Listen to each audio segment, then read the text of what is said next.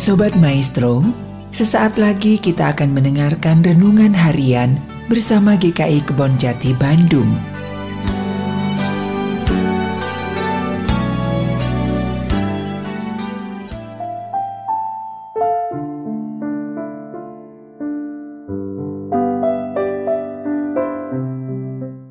Saudara sekalian, jumpa kembali dalam renungan harian GKI Kebon Jati hari ini. Mengasihi orang yang mengasihi kita, semua orang pasti bisa melakukannya. Tetapi bagaimana jika mengasihi orang yang telah menyakiti hati kita dan yang merupakan musuh kita? Wah, pasti sulit saudara sekalian. Tidak mudah bagi kita untuk melakukannya. Siapa yang dapat kita anggap sebagai musuh dalam kehidupan kita? Mereka yang dianggap sebagai musuh adalah siapa saja yang tidak kita senangi, yang mengganggu kita, yang tidak sesuai dengan selera pribadi kita, yang telah menimbulkan rasa kecewa dan menjadi ancaman bagi kita. Padahal kita sudah bersikap baik kepada orang itu. Ada pepatah yang berkata, air susu dibalas dengan air tuba, yang artinya perbuatan baik atau sikap baik dibalas dengan kejahatan. Nah, pada orang-orang yang bersikap seperti ini, kita bisa merasa marah, kecewa, dan jengkel, dan kemudian memperlakukan mereka sebagai musuh kita. Sebab itulah saudara pengajaran Yesus untuk mengasihi musuh dapat dikatakan aneh. Karena normalnya musuh adalah orang yang harus dilawan, yang harus dibenci dan disingkirkan. Musuh tidak layak untuk diampuni apalagi dikasihi. Tetapi itulah yang dengan sangat tegas dan jelas diajarkan oleh Tuhan Yesus kepada kita dalam bagian khotbah di bukit. Yesus berkata, tetapi aku berkata kepadamu, kasihilah musuhmu dan berdoalah bagi mereka yang menganiaya kamu. Saudara sekalian, memang tidak mudah mengasihi seseorang yang kita pandang sebagai musuh. Tetapi kalau Tuhan menghendaki kita berbuat demikian, tentu bukan satu hal yang mustahil bahwa saya dan saudara dapat melakukannya. So, sekalian sebuah kisah mengenai Nelson, seorang yang bernama Nelson Mandela. Nelson Mandela dipenjara selama 27 tahun oleh lawan politiknya.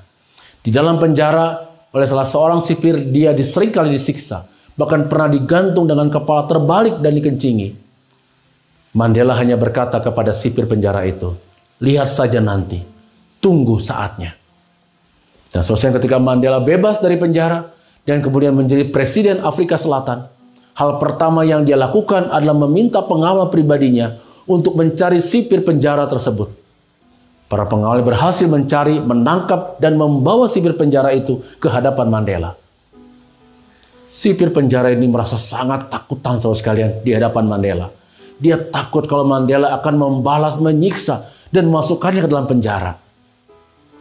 Tetapi ternyata dalam pertemuan itu saudara sekalian, Nelson Mandela mendekati sipir penjara itu, kemudian merangkul sipir penjara itu dan berkata, hal pertama yang ingin saya lakukan ketika menjadi presiden adalah memaafkanmu.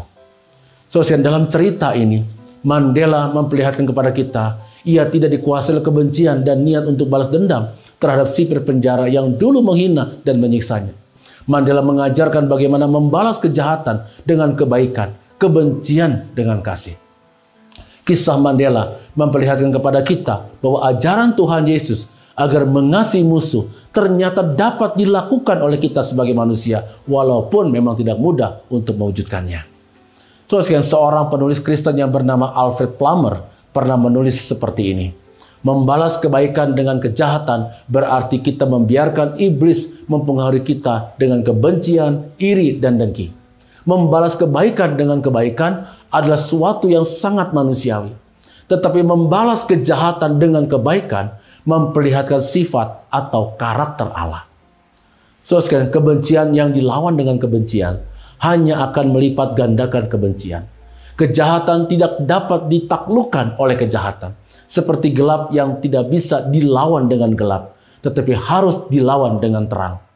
Terang walaupun hanya secercah akan sanggup menembus kegelapan. Kebencian hanya dapat diusir dengan kasih. Apa tandanya kita mengasihi musuh kita, saudara sekalian? Yang pertama, tandanya bahwa kita mengasihi musuh kita ialah kita mendoakan musuh kita. Mengasihi musuh bisa dimulai dengan mendoakan musuh kita. Matius pasal 5 ayat 44. Yang dimaksud di sini dengan mendoakan jelas bukan mendoakan supaya musuh-musuh kita cepat mati atau dihukum Tuhan saudara sekalian, tetapi yang didoakan adalah pertobatan mereka, pembaruan hidup mereka. Mendoakan musuh tidaklah mudah.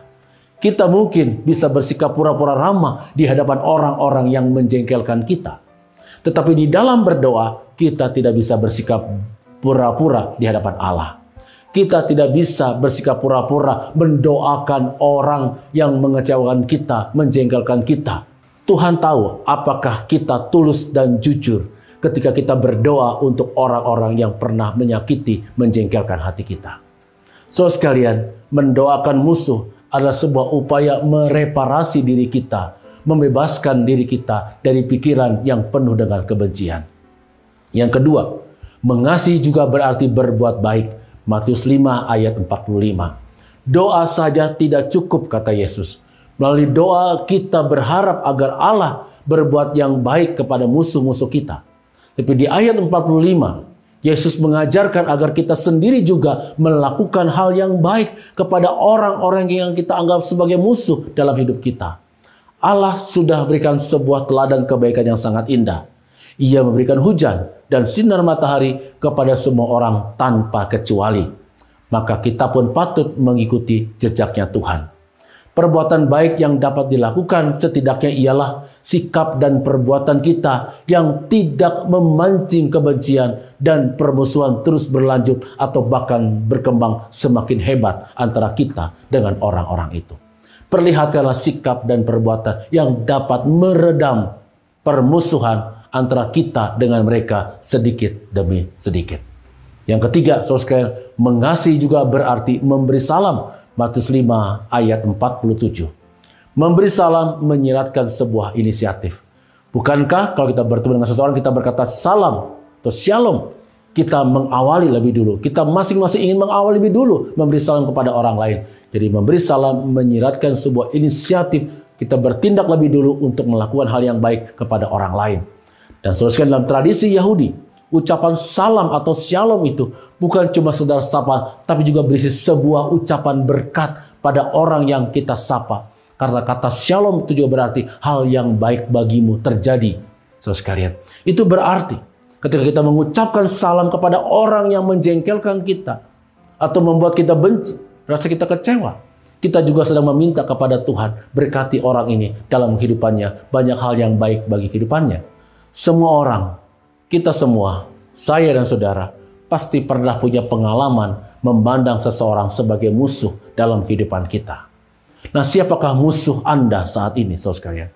Apakah saudara kandung atau keluarga yang tidak membantu Anda? Teman sekantor, teman sekelas, atau teman kuliah yang mengecewakan Anda? Apakah tetangga Anda yang bersikap sinis kepada Anda?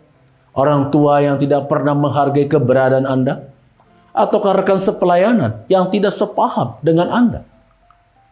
Mari saudara kita melakukan firman Tuhan dalam kehidupan kita. Kita membalas air tuba, sikap dan tindakan yang merupakan racun kehidupan yang mematikan dengan air susu, yaitu sikap dan tindakan yang mengasihi orang lain. Seperti bunyi doa yang selalu kita panjatkan, ampunilah kami akan kesalahan kami, seperti kami juga mengampuni orang yang bersalah kepada kami.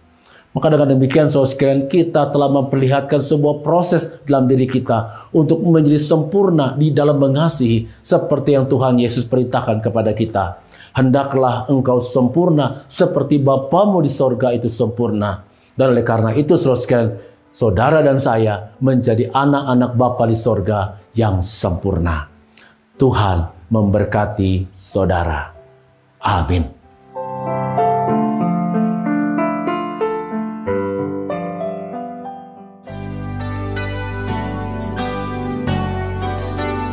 Sobat Maestro, baru saja Anda mendengarkan renungan harian bersama GKI Kebon Jati Bandung. Tuhan Yesus memberkati.